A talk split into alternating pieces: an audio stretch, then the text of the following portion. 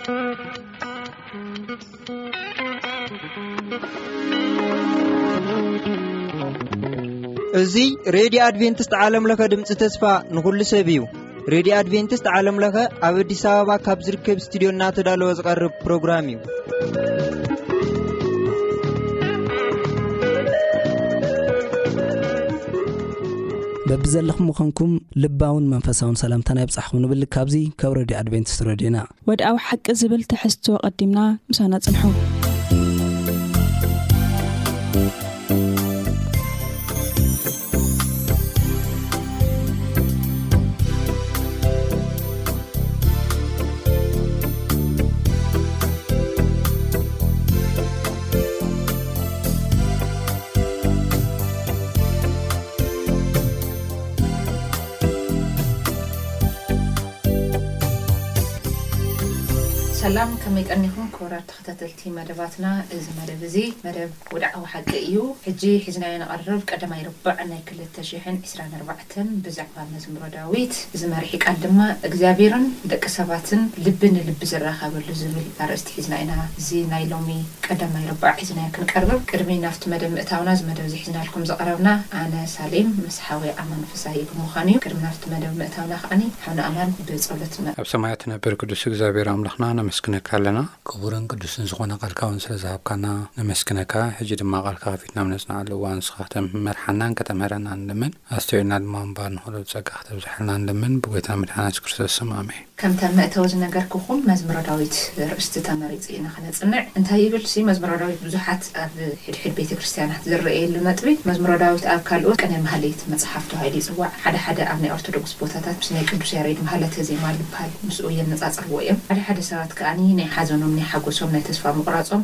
ወይ ደሞ በቃ ብግልጺ ስምዒቶም ዝተጽሓፈሉ መጽሓፍ ከምድኾነ እዚ መጽሓፍ እዚ ክጽሓፍ ከሎ፣ ዳዊት ኣብ በረኻ ዀይኑ ሳኦል ከሳድዶ ኸሎ ዓሰርተ ሸውዓተ ዓመት፣ እሰን ግን ዝናይ ንግስነት ግዜ ተሸይሙ እዩ ነይሩ።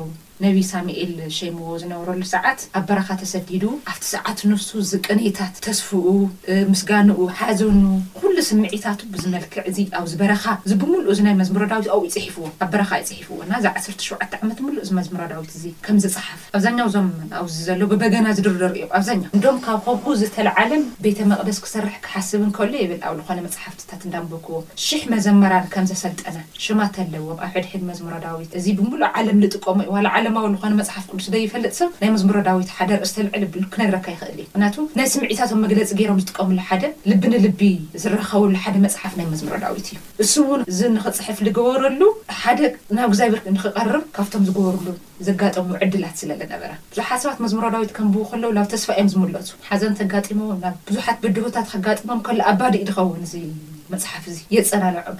ክርስቶስ ንውዓሉ ምዕራፍ ዕስራን ክልተን ተጠቒሙ ንምንታይ ገዲፍካኒ ልብል ጽሑፋት እና ዳዊት እውን ከምኡ ገይሩ ከም ዝቓነየ ኣብቲ ሳኦል ኣባሪርዎ ክንብል ከለናሲ ብዙሓት ቃንዛታት ዝተሓወሶ ብዙሓት ተስፋ ምቑራጻት ዝተሓውሶ ብዙሓት ምድህሃላት ዝተሓወሶ ነይሩ እና ልክዕ እዚ እሱ ዝጸሓፎ ጽሑፍሲ ሕድሕድ ነፍሰ ወከፍ ዝስምዖ ስምዒት እዩ ጽሒፉ። ክንድምንታይ ዝኣክል ስምዒት ንምግላጽ ዝተጠቕመሉ መጽሓፍ ከም ድኾነ፣ ብዙሓት ሰባት እውን ምንጮም ከም ድኾነ እዚ መጽሓፍ እዚ ኣብዚ እንታይ ይብል፣ ስለዚ እምበኣር ነቲ ህይወት ዝልውጥ ሓይሊ ናይ መጽሓፍ መዝሙር ንምሙካር ንሕና ድማ ከምቲ ንዕብየትና ምእማን ውዳሴታት ነዚኣም መልቀሶም ወይ ደሞ ሓደራታቶም ምስጋንኦም ነቲ ልዑል ፍትሓዊ እግዚኣብሔር ንምቕራብ ዝተጠቐመሉ ዘርእስቲ እዚ ሒዝና ኢና እዚ ሰለስተ ወርሒ እዚ ምሉእ ክንከታተሎ ናይ ቀደማይ ርባዕ መደብ ውድዓዊ ሓቅና ማለት እዩ። ኣብዚ እንታይ ይብል? ናይዚ ሰንበት ትምህርቲ እቲ ቐንዲ ዕማም ናይ መጽሓፍ መዝሙር ምጽናዕ እምበኣር ነቲ ናይዞም መዛሙርቲ ፍሉይ ዓለም ናብዚ ዘመናዊ እዋን ንምቕራብ ንምምጻእ እዩ። ኣብዚ እነስተውዕለሉ ዝግበእና ቐንዲ ውራይ እምበኣር መጽሓፍ መዝሙር ናይ ቅዱሳንን ናይ ስጋ ዝለበሰ ጎይታ ንባዕሉ እውን ጸሎት እንትኾኑ መዛሙርቲ ብዛዕባ ኢየሱስ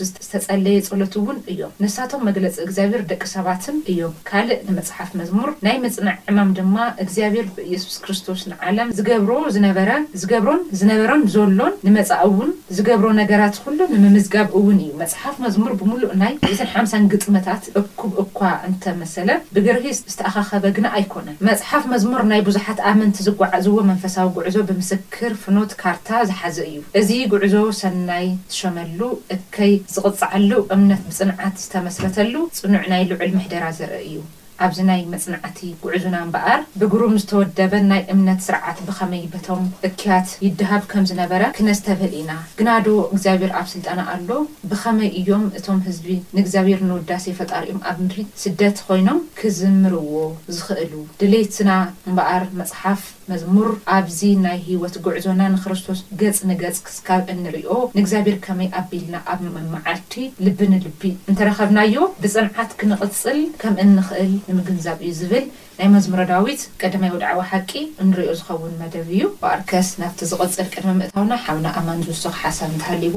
እግዚኣብሔር ይባርኽኪ ሓፍትና ሳሌም ብጣዕሚ ጽቡቅ ጌርኪ ኢኺ ገሊጽክዮ ቅድም ኢልኪ ከምቲ ገለጽክዮ መዝሙረ ዳዊት ተባሂሉ ተተርጊሙ ዘሎ ኣብ ትግርኛ መጽሓፍ ቅዱስና ትኽክለኛ ኣርእስቲ ኣይኮነን መዝሙረ ዳዊት ምበሎ ምክንያቱ ናይ መዝሙር መጽሓፍ ተባሂሉ እዩ ክትርጎም ዘለዎ ምክንያቱ ኣብ መዝሙረ ዳዊት ዘሎ መዛሙርት ናይ ዳዊት ጥራሕ ኣይኮነን ካብ ዳዊት ወጻኢ ካልኦት ዘመርቲ እውን ዝዘመሩሉ እዩ ያውም ልዕሊ ፍርቂ ልዕሊ ፍርቂ መዛሙራት ካልኦት ዘመርቲ እዮም ዘሚሮሞ ዳዊት ካብቲ ሚእትን ሓምሳን ሰብዓን ሰለስተን መዝሙራት ጥራሕ እዩ ዘሚሩ ማለት እዩ እሞ ስለዚ ብዙሕ ግዜ መዝሙር ዳዊት ንምጽንናዕ፣ ተስፋ ንምርካብ፣ ብርትዐ ንምርካብ፣ ከምኡውን ንጸሎት ንጸሎት ዝተተርጎሙ ካብ ምዃኖም ዝተላዕለ ብደንቢ ክጽንዑ ዘለዎም ብደንቢ ድማ ፍቕሪ እግዚኣብሄር እንርእየሎም መጽሓፍቲ ከም ዝኾኑ እዩ ዝነግረና ማለት እዩ። ከምዚ ቅድም ኢልኪ ዝበልክዮ ብኣጋጣሚ ዝተኣከቡ መዛሙራት ኣይኮኑን። ብመንፈስ ኣምላኽ እግዚኣብሄር ደሪኽዎም ዝተኣኻኸቡ መዝሙር ከም ዝኾነ ኢና ንርኢ። in fact ናይ እግዚኣብሄር ጽሑፋት ወይ ድማ ናይ እግዚኣብሄር እዚ ግጥምታት እዚ ናይ እግዚኣብሄር ሰባት ብመንፈስ ቅዱስ ተመሪሖም ዝጸሓፍዎ ካብ ምዃኑ ዝተላዕለ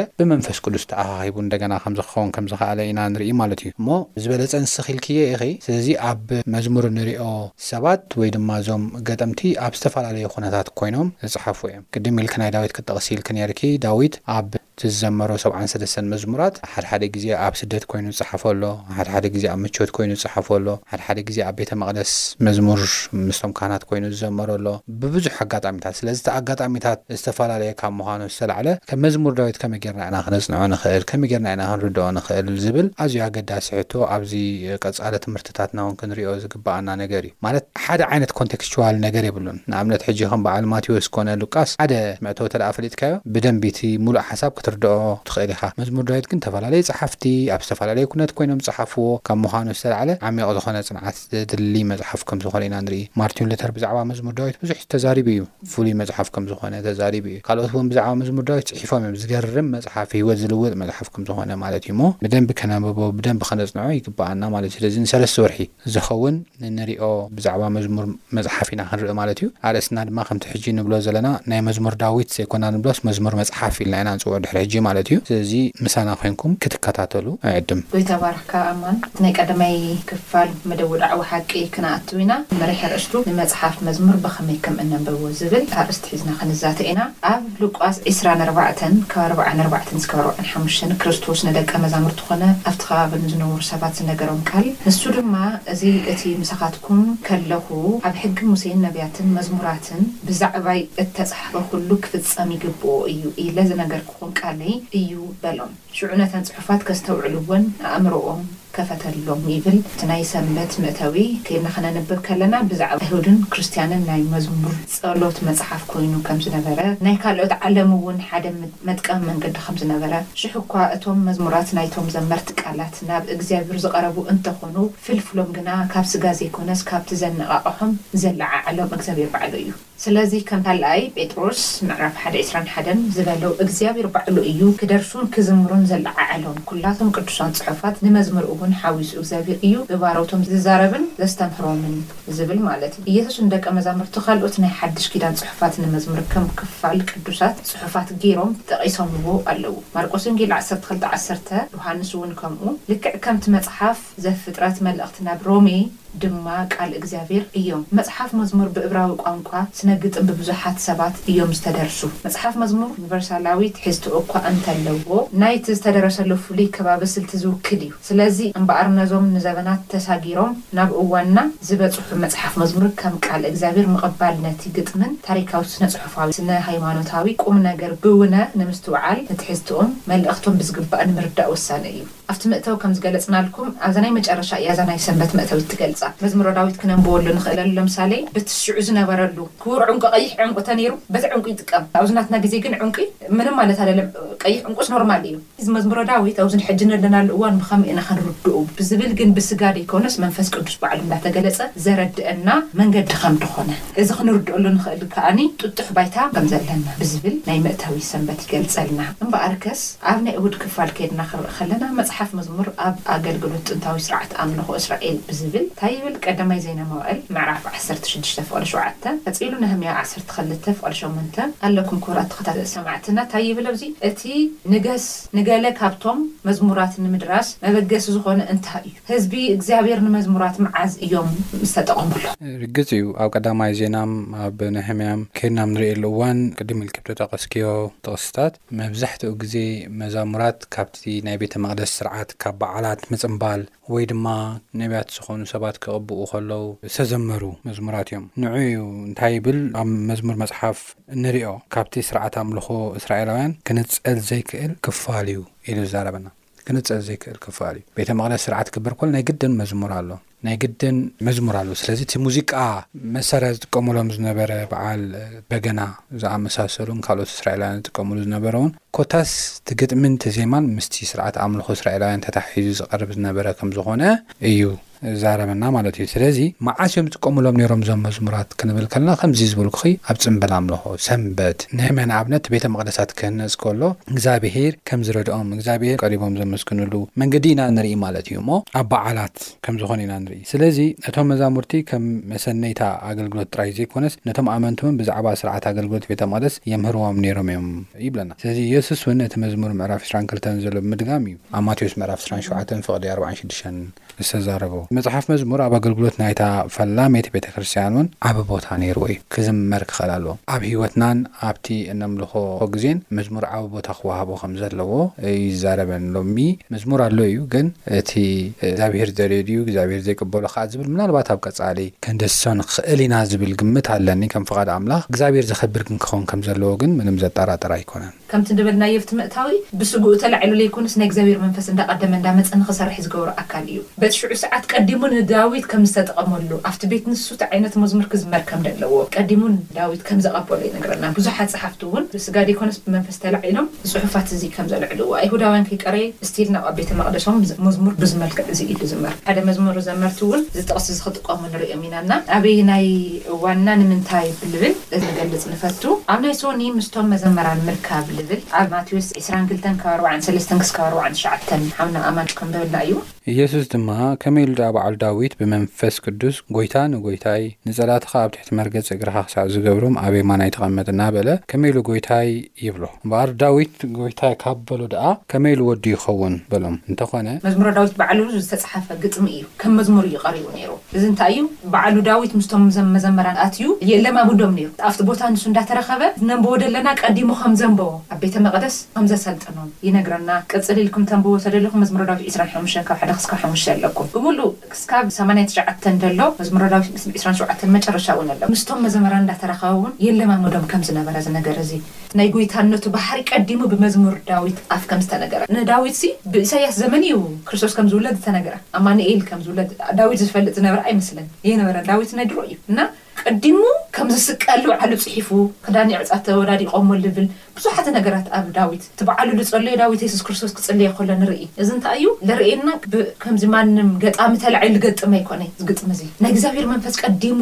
ብናይ መዝሙር ጸሓፊ ብናይ ዳዊት እንዳተጠቐመ ከም ዝነበረ የርእየና እና ሕድሕድ ይነኪ እቲ ኣስተውዒልናዮ መልእኽቲ ኣለዎ ንሕድሕድ ነጥብታት ኣብ ልኾነ መጽሓፍ እንዳ ሞኩሲ ብኻልኣይ ክፍለ ዘመን ገለ ከባብታት ልነበረ እዩ እና ኢሳይያስ ሻምናይ ክፍለ ዘመን ዝነበረ ሰብ እዩ ብዛዕባ ናይ ምውላድን ምሟትን ትንቢት ዝተንበየ ዳዊት ግን ብዛዕባ ስቕለቱ ብዛዕባ ኣብ ልዕሊ ክርስቶስ ዝበጽሕ ብዛዕባ ክርስቶስ ዝጽልዮ ጸሎት ከይቀረየ እዩ ጽሒፉ። ክንዲ ምንታይ ዝኣክል ብነእግዚኣብሔር መሪሕነት ከም ዝተጽሓፈት ግጥሚ ኢና ንርኢ ማለት ኣብዚ ክንርኢ ከለና እለ መንፈስ ቅዱስ ነቶም ናይ መዝሙር መክሊት ዘለዎም ኣመንቲ ብምንቕቓሕ መክሊቶም ኣብ ንኣገልግሎት እግዚኣብሔር ንናይ እምነት ብጾቶም ከም ዝጥቀምሉ ገይርዎም እዩ እቶም መዘምራን ውፉያት ኣገልገልቲ ጽኑዓት ናይ እምነት ሰባት እኳ እንተነበሩ ከም ኩላትና ድማ ንፈተናታት ተስፋ ምቑራጽ ዝተቓልዑ እዮም ዝነበሩ። እቶም ሽሕ መዘምራን ዘሰልጠኖም ዳዊት ወይ ደሞ እቶም ኣብ ቤተ መቕደስ ደገልግሉ ነበሩ ብጣዕሚ ጎበዛት ከም ዝነበሩ ግን ታይ ይነግረና ለለ ከማና ተስፋ ዝቑርጹ ሰባት ሰባት ከም ዝነበሩ ዋላ ደኣ እዚ ከምዚ ዓይነት መዝሙር እንዳ ዘመሩ እቲ ቤተ መቕደስ ዘነቓቕሑ ሰባት እኳ እንተኾኑ ግን ብኻሊእ ሳይድለ ውን ተስፋ ዝቑርጹ ሰባት ከም ዝነበሩ ይነግረና። እዞም መዛሙር ሽሕ እኳ ቅድሚ ሓያሎ ዓመታት ዝተደረሱ እንተኾኑ ነዚ ሎሚ ንሕና እንመኽሮ ዘለና እውን ዘንጸባርቕ እዩ። ጸሎተይ ኣብ ቅድሜኻ ይብጻሕ።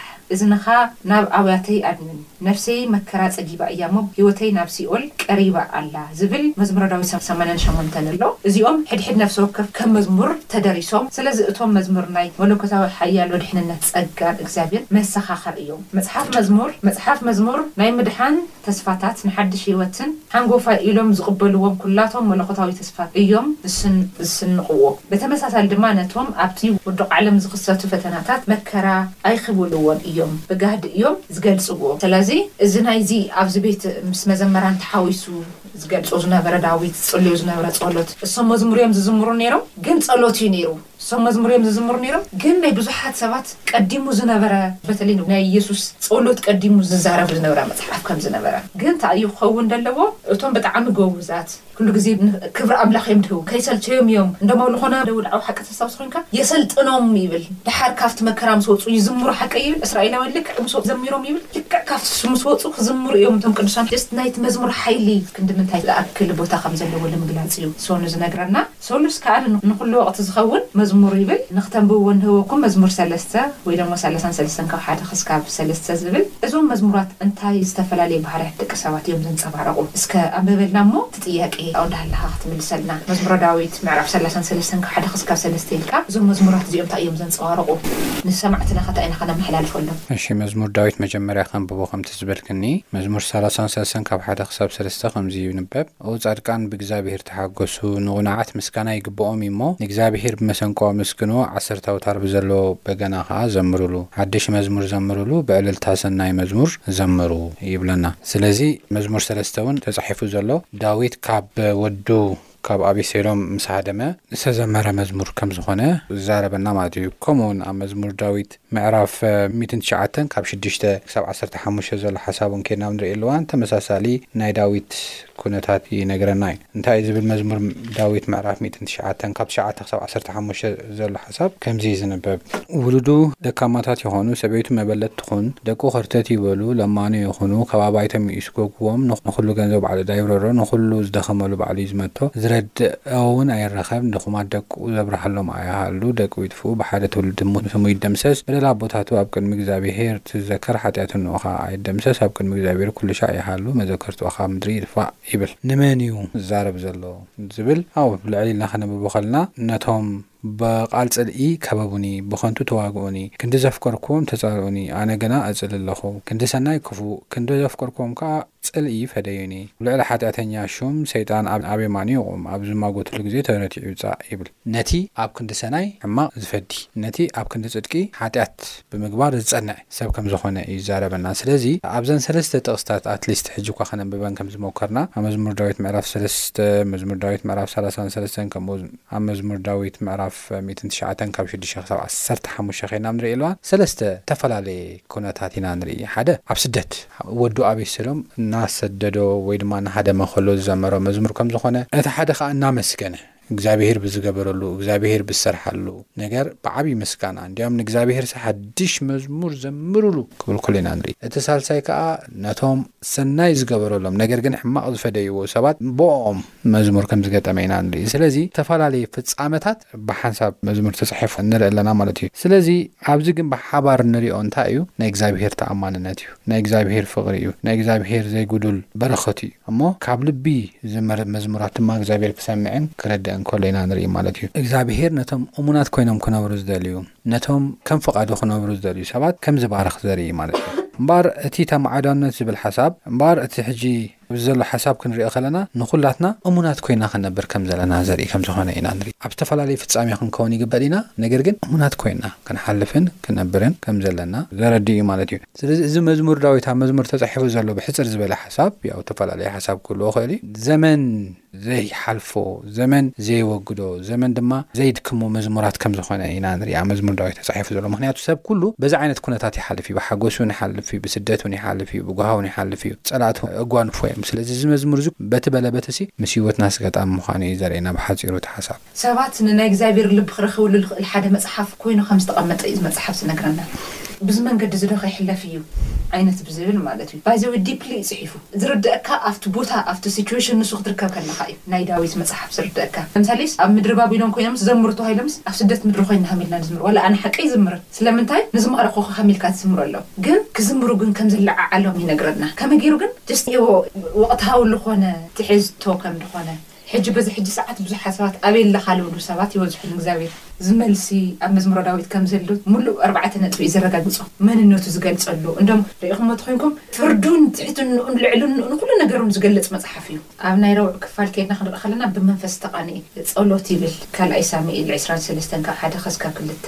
ኬድና ክንርኢ ከለና ናይ እስራኤላውያን ውዳሴን ጸሎትን እዩ እቶም እሙናት ናብ እግዚኣብሄር ክቐርቡ ከለዉ ብጣዓሚ ብድሆ ኣጋጢምዎም ዋላ ድኣ እግዚኣብሄር ሽዑ ይደንጉ እምበር ለቀረብዎ ጸሎታት ተጻሒፉ እዩ ንጽቡቕ ትምህርቲ ንኣይናኣኹም እዩ ነዚ ሕጂ ዘለና ህዝቢ ለምሳሌ በርባዕተ ኣንፈት ሕጂ ዘለናዮ ናብ መን ኬድና ክንጽሊ ምስ መን ክንዘራረብ ዝጨንቀና ጊዜ ኢና ደለና መዝሙር መጽሓፍ ግን ብቐሊሉ ሕጽር ብዝበለ ንኹነ ነዊሕ ድርሰት ነገር ለይኮነይ ብዙሓት ሰባት ብመንፈስ ዝተቓነየ ጸሎት ለምሳሌ ታይ ይብሎ ኣምላኸይ ወጎይታይ ንጉሰይ ኢሉ ይፅውዖ ወይ ደሞ እዞም መዛሙርቲ መብዛሕቲኦም እግዚኣብሔር እዝንኻ ኣድንን ፀሎተይ ስማዕ ጠምት መልሰለይ ኣድሕነኒ ብማለት ይምሕፀንዎ እዚ ዝኣምሰሉ ኣቀራርባ ድማ ካብ ሓደ ናብ እግዚኣብሔር ዝፅሊ ሰብ ዝስምዑ ነገራት እዮ። ካብ ሓደ ሰብ ናብ እግዚኣብሔር ዝድርበ እዩ ናብ ሰብ ኣይኮነይ ዝድርበ እዚ እና ሓደ ሓደ ግዜ ከይተረደእና ናብ እግዚኣብሔር ነቅርቦም ተሓደሽቲ ቃላት ኣይንጥቀም እቶም ደለዉ ንሶም እዮም መዝሙር መጽሓፍ ጽሒፍዎም ደሎ ኣብ ዓለም መላእ በርባዕተ ኣንፈት ንርከብ ሰባት ጻዕዳ ኮነ ጸለምቲ ዝሕጂ ዘንበልኩልኩም ጠምት ኣድንን ኣዝንኻ ናባይ ኣቅልብ ኣለኻ ዲኻ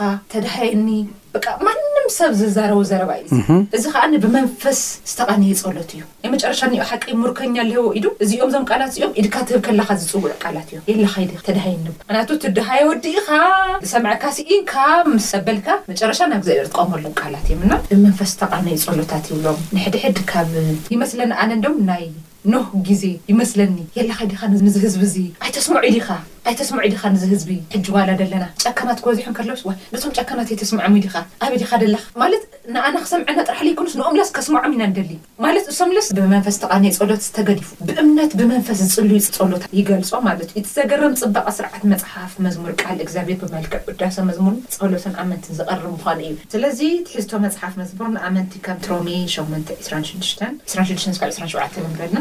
እቲ ልቢ ዝምርምር እግዚኣብሄር ናይ መንፈስ ቅዱስ ሓሳብ እንታይ ከም ዝኾነ ይፈልጦ እዩ። መንፈስ ከም ፍቓድ እግዚኣብሄር ምእንቲ ቅዱሳን ይማልድ እዩ እሞ ነቶም እግዚኣብሄር ዝፈትዎም ከም ፍቓዱ እቲ ንዝተጸውዑ ኩሉ ነገራት እግዚኣብሄር ንሰናይ ከም ዝገብረሎም ንፈልጥ ኢና። ብጣዕሚ ኣብ ልተጨነቐት ነፍሲ ዝተዛረቦ ዘረባ ይመስለኒ ጳውሎስ ነቶም ንእግዚኣብሄር ዝጽበዩ እቲ ኩሉ ነገር ንሰናይ ከም ድኾነሎም ደው ኢሉ እኮ ምንም ነገር እኮ የለይ ግን እዚ ቅኔ ብዝተመልኦ ተስፋ ከም ዝህብ ይነግረና እና መዝሙር ኣብ ዝተጨነቐት ነብሲ ሓደ ከምዚ ዓይነት ዝበለ ቃል ኣይትስእኒ ከምዚ ጳውሎስ ልጽሓፎ እቶም ንእግዚኣብሔር ዝጽበዩስ ኩሉ ነገር ንምንታይ ይኾነሎም ተስፋ ጽበዩ ንሰናይ ይኮነሎም ልብል እታ ቃል እዚኣ ኣብ መዝሙረ ዳዊት ኣላ እያ ሽሕ እኳ ትሕዝቶ መዛሙርት ናይቲ እዋን ስምዒት ተመክሮ ብሓፈሻኡ እውን ናይ ህዝቢ እስራኤል ኩነታት ዝገልጽ እንተኾነ ዕምቆት መንፈሳዊ ትሕዝትኡ ግና ንኹሉ ሰብ ዝውክል ዘበንን ባህልን ሃይማኖትን ዓሌትን ጾታን ተበጋሲ እዩ። ብኻልእ ኣዘራርባ ትሕዝቶ መዝሙር መጽሓፍ ክትግንዘቡ ክተንብቡ ከለኹም ኣብ ደስታ፣ ጓሂ፣ ቁጥዐ፣ ተስፋ፣ ፍርሒ፣ ሓዘን፣ ውዳሰን ተገሊጾም እዮም።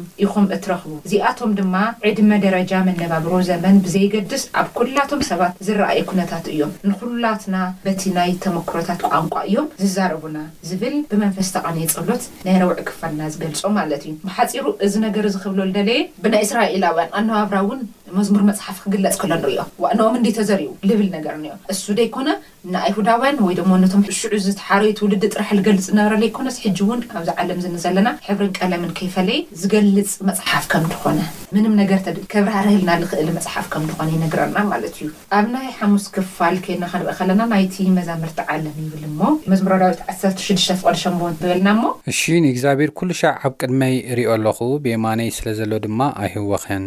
ስለዚ ልበይ ደስ ይብሎ ኣንደበተይ ዕልል በለ ስጋይ ውን ብተስፋ ትሓድር ነፍሰይ ኣብ ሲኦል ኣይትሓድጋን ኢኻ እሞ ኣብዚ ሓሳብ እዚ ቅድም ኢለ ከምቲ ዝበልክዎ ናይ መዝሙር ዳዊት መጽሓፍቲ ንኹሉ ናትና እንሓልፎ ተመኩሮታት ዝድህስስ መዝሙር እዩ መዝሙረ ዳዊት ኩሉ ከምቲ ቅድም ኢልና ክንገልጾ ዝፈተና ብመከራ ሕጂ ሂወት ኩሉ ግዜ ሓጎስ ኣይኮነን ኩሉ ግዜ ውን ሓዘን ኣይኮነን ኩሉ ግዜ ጽልኢ ኣይኮነን ኩሉ ግዜ ውን ፍቅሪ ኣይኮነን ውጻ ውረድ እዩ። ኩሉ ነገር ዝሓቆፈት እያ ኣብዛ ዓለም ዘሎ ሂወት ኩሉ ነገር ዝሓቆፈት እዩ ሰሓቅ ን ንብዓት ጓሂ ሓዘን ከምኡውን ደስታ ፍስሃ ዘለዎ ግዜ እዩ ማለት እዚ መዝሙር ዳዊት ነዚ ኩሉ ኩነታት ዘማእከለ መዝሙር ካብ ምዃኑ ዝተላዕለ ዘማእከለ ጥራሕ ግን ኣይኮነን ኣብዚኣ ሓደ ዝብላ ነጥቢ ኣሎ ነዚ ኩሉ ነዚ ኩሉ እንሓልፎ መዛሙርቲ ዝድህስስ ጥራሕ ዘይኮነ እንደገና ህይወትና ኣብ እግዝኣብሄር ክኸውን እግዝኣብሄር ዘማእኸለ ክኸውን ንእግዝኣብሄር ክንፈርሕ ንእግዝኣብሄር ባህ ክነብል ናብ እግዝኣብሄር ክንቀርብ ውን ዝዕድም እዩ። ኣብ ዝኾነ ይኹን ኩነታትና ኣብ ዝኾነ ብዝኾነ መንገዲ ንሕለፍ ኣብ ሰሓቕ ግዜ ኣብ ሓጎስ ግዜ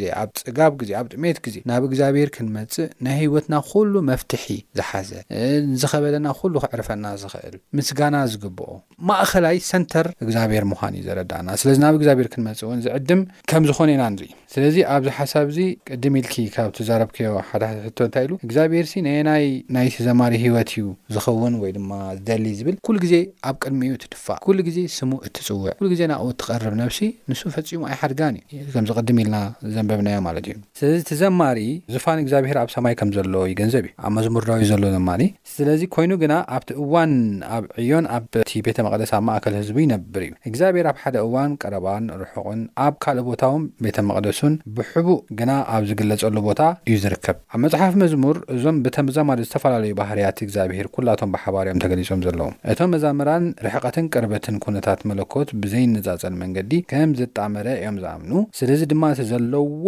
ኵነታት ብዘየገድስ ምሕረትን ህላዌን እግዚኣብሔር ኣብ ቦቦትኡ ከምቲ ቅድም ኢለ ዝበልኩ ኣብ ቦቦትኡ ስለዝኾነ ኣብቲ ባዕሉ ዝመደቦ እዋን ከም ዝምለሰሎም ኣሚኖም እዮም ዝቕበሉን ዝቕመጡን ዝዝምሩን ዝጽልዩን ከም ፍቓዱ ድማ ዝመላለሱን ማለት እዩ እሞ ሕጂ ውን ማእኸል ህይወትና እግዚኣብሄር ክኸውን ይግባእ እዩ ማእኸል ስሕበት ናይ ህይወትና እግዚኣብሄር ክኸውን እዩ ኣዒንትና ናብ እግዚኣብሄር ልብና ንእግዚኣብሄር ፍቓዱ ኣብ ምግባር ከንጸንዕ ከም ዘለና እዩ ዘምህር እሞ እምበኣር ከም መእተዊ እዚ እዩ ብዛዕባ መዝሙር መጽሓፍ ክንዛረቦ ንደሊ። ኣቦይ ተባረከ ናይ መጨረሻ ሓሳብ ንመጠቃለሊ እንታይ ይብለና መዝሙረ ዳዊት ኣብ ሓሙሽተ ዝተጠቀሱ ዝተጠቀመሉ ሚእትን ሓምሳን መዝሙር ዝሓዘ እዩ መብዛሕቲኡ መዝሙር ኣብ ናይ ስርዓት ንግስነት ኣብታ ሃገር ኣብ ዘበን ንጉስ ዳዊት ኣብ መበል ዓስራይ ክፍለ ዘበን ቅድሚ ልደተ ክርስቶስ ከም ዝተዘመሩሉ ዝተጠርነፉሉ እውን እንትኾኑ እቲ ጥርናፈ ናይቶም መዛሙርቲ ግና ኣብቶም ዝቅፅሉ ዓመታት ብድሕሪ ምክፍፋል እታ መንግስቲ ኣብ ስደት ድሕሪኡ እውን ቀፂሉ እዩ። እቶም ኣብ ትሕቲ መሪሕነት እዝራ ነቲ ኣገልግሎት ናይ ሓድሽ ቤተ መቕደስ ዝጣየሰሉ ዝነበሩ ጸሓፍቲ እውን ነቲ ኣብቲ እዋን ዝነበሩ መጽሓፍ ኣብ ንእሽቶ መጽሓፍ ጠርኒፎሞ ኢዮም። እዞም ጸሓፍቲ ጠርኒፎሞ ኢዮም ማለት ንመንፈሳዊነት እቲ ዝስርሑ ዝነበሩ ጽሑፋት እውን ይዓዪ ነይሩ። እዝራ ሸውዓተ ክስካብ ሸሞንተ ንርኢ። ከምዚ ዝኣምሰሉ ሕብረት ኣብ ባህርይ እቲ ወዲ እግዚኣብሔር ወዲ ሰብ ዝኾነ ክርስቶስ ተጋሂዱ ኢዩ። ስለዚ ከምቲ ናይ ክርስቶስ ናይ መጽሓፍ ቅዱስ እውን እቲ ቃል ስጋ ኮይኑ ጸጋ ሓቂ መሊእዎ ከኣ ኣባና ከም ዝሓደረ ዝብል እውን ጽሑፋት ብጋህዲ ተራእየ እዩ ልብል ናይ መጨረሻ ናይ ዓርቢ ሓሳብ ይገልጸልና። ብሕጽር ልበለ መልክዑ ግን እግዚኣብሔር ንልቢ ወዲ ሰብ ክራኸበሉ ዝኽእል ሓደ ካብዞም መጽሓፍ ቅዱሳት ሓደ መጽሓፍ መዝሙር ከም ዝኾነ ይነግረና። እዚ ነገር እዚ ተረዲእና ንሕና ክንጥቀመሉ ክነንብቦ ናይ እግዚኣብሔር መንፈስ ብደንቢ ጌርና ክንርድኦ እዚ መጽሓፍ እዚ ብናይ ስጋ ስምዒት ተላዒሉ መጽሓፍ ዝዝመር ደይኮነስ ብመንፈስ ኣምላኽ ተመሊእኻ ንርድኢት ኮነ ንምጽሓፍ ዘገድስ ከም ዝኾነ ይነግረና እዚ ቃል ኣምላኽ። እምበኣርከስ እዚ ትምህርቲ እዚ ይመስል ነይሩ። ሓሳብን ጥያቄን በልህለይኩም ብልሙድ መስመራትና ባዶ ትሽዓተ፣ ሰማንያን ትሽዓተን፣ ሰብዓን ሸውዓተን፣ ኣርብዓን ሓሙሽተን ቴስዓ ኢልኩም ብተወሳኺ ስልኪ ቁጽሪ ድማ። ዜሮ ትሽዓተ፣ ዓሰርተ፣ ዓሰርተ ኣርባዕተ፣ ሓምሳን ሓደን፣ ዜሮ ሓሙሽተ ወይ ድማ ብፖስታ ሳጹን ቁጽርና ሚእትን ኣርብዓን ሓሙሽተን ኣዲስ ኣበባ ኢትዮጵያ ወይ ድማ ብኢመይል ኣድራሻና TIGsong@gmail.com። ኢልኩም